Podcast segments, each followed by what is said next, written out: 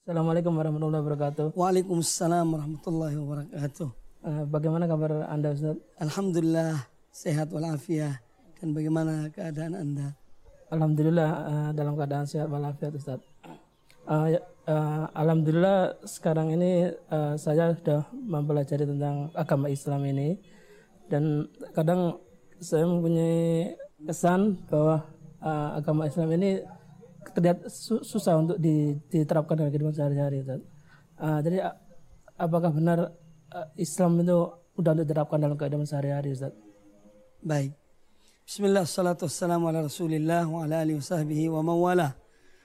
Alhamdulillah yang pertama kita patut mensyukuri Allah subhanahu wa ta'ala atas berbagai nikmat yang Allah anugerahkan kepada kita terutama nikmat iman dan Islam dan Alhamdulillah saudara telah mengenal Islam, saudara telah berkeyakinan dengan Islam dan ini satu nikmat yang luar biasa yang Allah anugerahkan kepada seorang hamba dan tidak pada setiap hamba-hambanya diberikan petunjuk oleh Allah Subhanahu wa taala.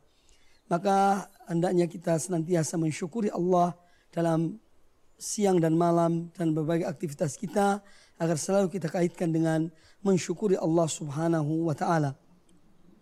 Adapun tentang yang anda tanyakan yang seakan-akan selama Anda uh, memeluk Islam atau mempelajari Islam seakan-akan ada kesan bahwa Islam adalah agama yang sulit. Pada hakikatnya adalah tidaklah demikian. Karena Allah Subhanahu wa taala uh, ketika mensyariatkan Islam ini kepada umat manusia dan kepada hamba-hambanya Allah memberikan kemudahan yang banyak di dalam Islam ini. Baik dalam akidahnya, baik di dalam ibadahnya, maupun dalam bermuamalah. Maka Islam adalah agama yang memberikan kepada kita kemudahan karena Allah Subhanahu wa taala berfirman, "Yuridullahu bikumul yusra wa la yuridu bikumul usra." Allah menghendaki kemudahan bagi kamu sekalian dan Allah tidak menghendaki kesulitan bagi kamu. Hal ini menunjukkan bahwa agama Islam secara keseluruhan, baik akidahnya, baik ibadahnya, baik moral, muamalahnya, semua memberikan kepada kita kemudahan. Satu contoh permasalahan akidah dalam Islam adalah permasalahan yang tidak menyulitkan seseorang. Seorang beriman kepada Allah dan hatinya dia yakin akan keberadaan Allah Subhanahu wa taala dan apa-apa yang Allah wajibkan untuk dia beriman. Ini salah satu contoh tentang kemudahan di dalam akidah-akidah Islam, dalam ajaran-ajaran akidah Islam. Ya, kita melihat bahwa pokok-pokok ajaran akidah dalam Islam adalah tidak menyulitkan bagi orang yang beriman.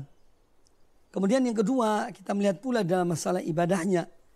Maka kita jumpai bahwa Islam mendapatkan uh, ibadah dalam Islam penuh dengan kemudahan maka dari itu Nabi kita Muhammad wasallam pun bersabda, "Inna dina yusrun."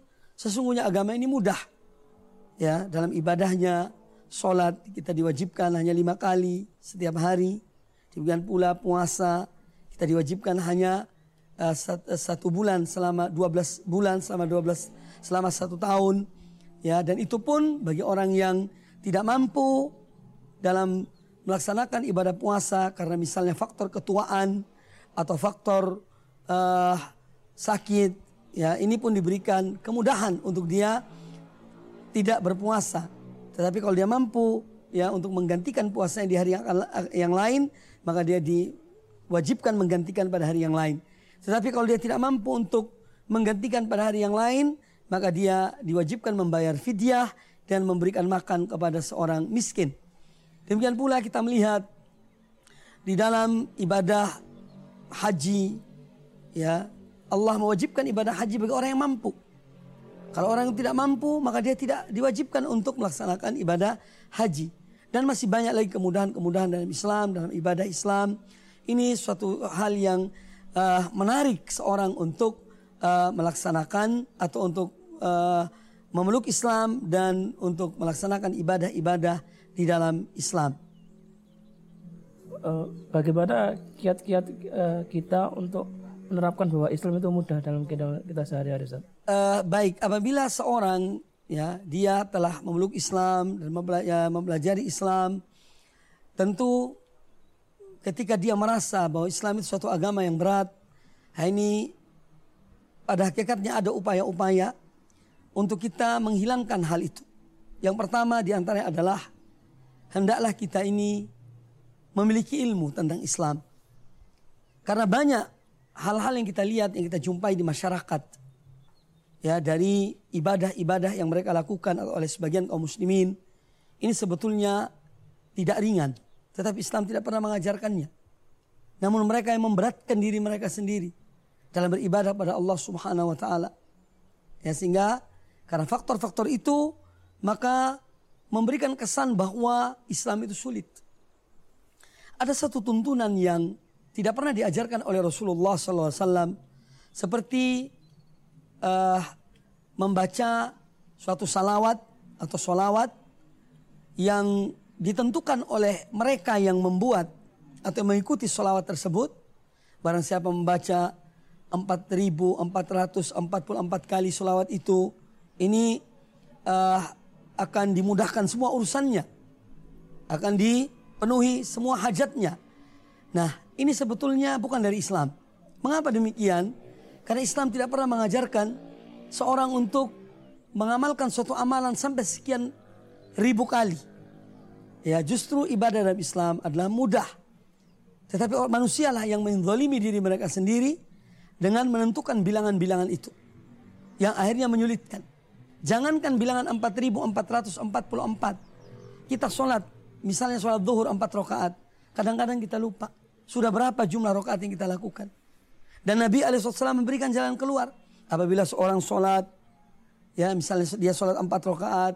Kalau dia ragu apakah 3 atau 4 rakaat yang dia lakukan, yang sudah dia lakukan. Maka hendaknya dia mengambil bilangan yang terkecil.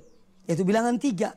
Kalau dia ragu apakah sholatnya sudah dua rakaat atau tiga rakaat, maka dia mengambil bilangan yang terkecil itu bilangan dua. Kemudian di akhir sholatnya sebelum salam dia diperintahkan untuk sujud sahwi dua dua kali. Nah, ini contoh bahwa memang uh, penentuan bilangan itu kalau kita melihat dari tuntunan Rasulullah SAW adalah bilangan yang mudah, yang tidak sulit dan bilangannya kecil. Paling besar yaitu 100 Orang yang membaca la ilaha illallah wa la syarika la lahul mulku wa lahul hamdu wa ala kulli qadir 100 kali kata Nabi alaihissalam maka dia akan diberikan perlindungan oleh Allah Subhanahu wa taala dari syaitan. Dia akan diampuni dosanya. Setiap satu kali bacaan satu dosa yang terhapus. Kemudian dia akan diberikan ditinggikan derajatnya. Nah ini contoh bilangan yang diberikan oleh Nabi alaihissalam itu bilangan 100 dan tidak lebih dari itu. Adapun seorang ingin lebih dari itu silahkan. Tetapi agama tidak menentukan yang lebih yang berat dan yang lainnya. Maka dari itu di sini pentingnya ilmu agar kita tidak bertaklid buta hanya menerima dari orang tua orang tua kita, hanya menerima dari guru-guru kita tanpa berdasarkan pada dalil. Maka di sini pentingnya kita mempelajari ilmu tentang Islam ini yang bersumber dari Al-Quran, bersumber dari hadis-hadis Nabi SAW yang sahih atau yang hasan derajatnya dan juga dari perkataan para ulama-ulama para sahabat, para tabi'in, dan ulama-ulama kaum muslimin yang kita kenal akan ketakwaan dan kezuhudan mereka serta ilmu mereka yang yang tinggi. Kemudian yang kedua di antara faktor dan uh, agar kita uh, tidak merasa bahwa Islam ini berat adalah kita hendaknya uh, mengikhlaskan amal ibadah kita. Keikhlasan itu sangat memberikan keringanan dalam suatu ibadah. Seorang kalau dia beribadah pada Allah Ta'ala atau menjalani agama ini, ya, dia merasa berat, dia tidak ikhlas dalam ibadahnya, maka ibadah ini akan terasa berat. Sebagaimana sholat, Allah Ta'ala mengatakan tentang orang-orang munafik. Bahwa mereka menganggap sholat ini berat. Wa idha qamu ila sholati qamu kusala. Yura'unan nas. Wa la Allah illa qalila. Apabila mereka bangun untuk sholat, mereka bangun dengan malas. Karena apa? Karena mereka ria kepada manusia. Mereka tidak ikhlas dalam ibadah kepada kepada Allah Subhanahu wa taala. Mereka ibadah, lakukan ibadah salat hanya untuk dipuji orang. Sehingga berat ibadah itu karena ketidakikhlasan. Ya. Kemudian mereka ibadah bukan untuk mengingat Allah, tapi untuk mendapatkan kedudukan-kedudukan di dunia ini. Ya, sehingga ibadah itu berat. Dan Allah taala menyebutkan bahwa ibadah ini berat. Kecuali orang-orang yang mukhlisin. Orang-orang yang yakin kepada Allah subhanahu wa ta'ala. Wa innaha lakabiratun illa alal khashiin. Dan sungguhnya solat itu berat. Kecuali bagi orang-orang yang khusyuk. Orang-orang yang khusyuk itu orang yang tunduk dan patuh kepada Allah Ta'ala. Yang ikhlas dalam amal mereka. Orang-orang yang yakin bahwasanya mereka akan bertemu dengan Allah Subhanahu Wa Ta'ala. Nah, ini akan sangat meringankan ibadah seseorang dalam melaksanakan ibadah di dalam Islam ini. Atau menjalankan Islam. Yaitu apabila dan ikhlas insya Allah akan menjadi ringan baginya ibadah itu. Kemudian faktor yang ketiga agar seorang mendapatkan dan uh, pertolongan dari Allah Taala sehingga dia merasa ibadah ini ringan yaitu hendaknya dia selalu mengikuti tuntunan Nabi Sallallahu Alaihi Wasallam. Rasul Alaihi Wasallam sebagaimana dikatakan oleh Ummul Mukminin Aisyah radhiyallahu anha kadang-kadang ada suatu amalan yang beliau ingin lakukan tetapi beliau takut kalau beliau khawatir kalau kalau memberatkan umatnya maka kemudian beliau tinggalkan amal itu. Ini menunjukkan bahwa ibadah-ibadah yang dilakukan oleh Nabi Shallallahu Alaihi Wasallam ya banyak memberikan keringanan kepada kepada kita, kepada umat beliau. Bahkan beliau alaihissalam wasallam bersabda, ya ketika ditanya amal apakah yang paling dicintai oleh Allah Subhanahu Wa Taala dari hambanya, beliau mengatakan itu amal yang sedikit amal yang selalu istiqamah walaupun hanya sedikit. Adwamuha wa in qalla yaitu amal yang dilakukan secara terus menerus walaupun sedikit. Ini menunjukkan satu bentuk keringanan dari apa yang dicontohkan oleh Nabi Shallallahu Alaihi Wasallam. Pernah seorang wanita datang kepada Ummul Mukminin Aisyah radhiyallahu anha. Ketika itu Nabi Alaihissalam tidak berada di rumahnya. Kemudian beliau datang. Lalu Rasul Alaihissalam bertanya, siapakah wanita ini? Kata Aisyah radhiyallahu anha bahwa dia ada seorang wanita yang uh, selalu menghidupkan malam harinya. Dan dia memberikan gambaran tentang sholat malamnya yang begitu panjang. Sampai kadang-kadang tidak tidur di malam hari karena karena sholat. Maka Nabi SAW langsung mengingkari. Enggak. Ya, hendaknya seorang itu sholat semampunya. Kalau dia ngantuk hendaknya dia tidur. Ini menunjukkan bagaimana contoh dan bimbingan dari Nabi SAW yang selalu memberikan keringanan kepada kepada umat beliau. Ya. Maka apabila seorang mengikuti sunnah beliau, insya Allah Ta'ala, Islam ini, agama ini akan lebih ringan baginya dan tidak memberatkan dirinya. Bahkan Allah Ta'ala sendiri mengatakan, La yukallifullahu nafsan illa usaha. Allah tidak memberi beban pada suatu jiwa apa yang dia tidak mampu mengerjakannya. Ya, ini faktor yang ketiga. Kemudian yang keempat, di antara faktor yang dengannya seorang itu akan merasa ringan dalam ibadahnya, dan memeluk Islam, hendaknya dia selalu yakni dalam amal-amal ibadahnya bervariasi. Ya, artinya bervariasi dan ini salah satu hikmah daripada uh, Allah dan Rasulnya mensyariatkan kepada kita banyaknya amalan-amalan yang sunnah.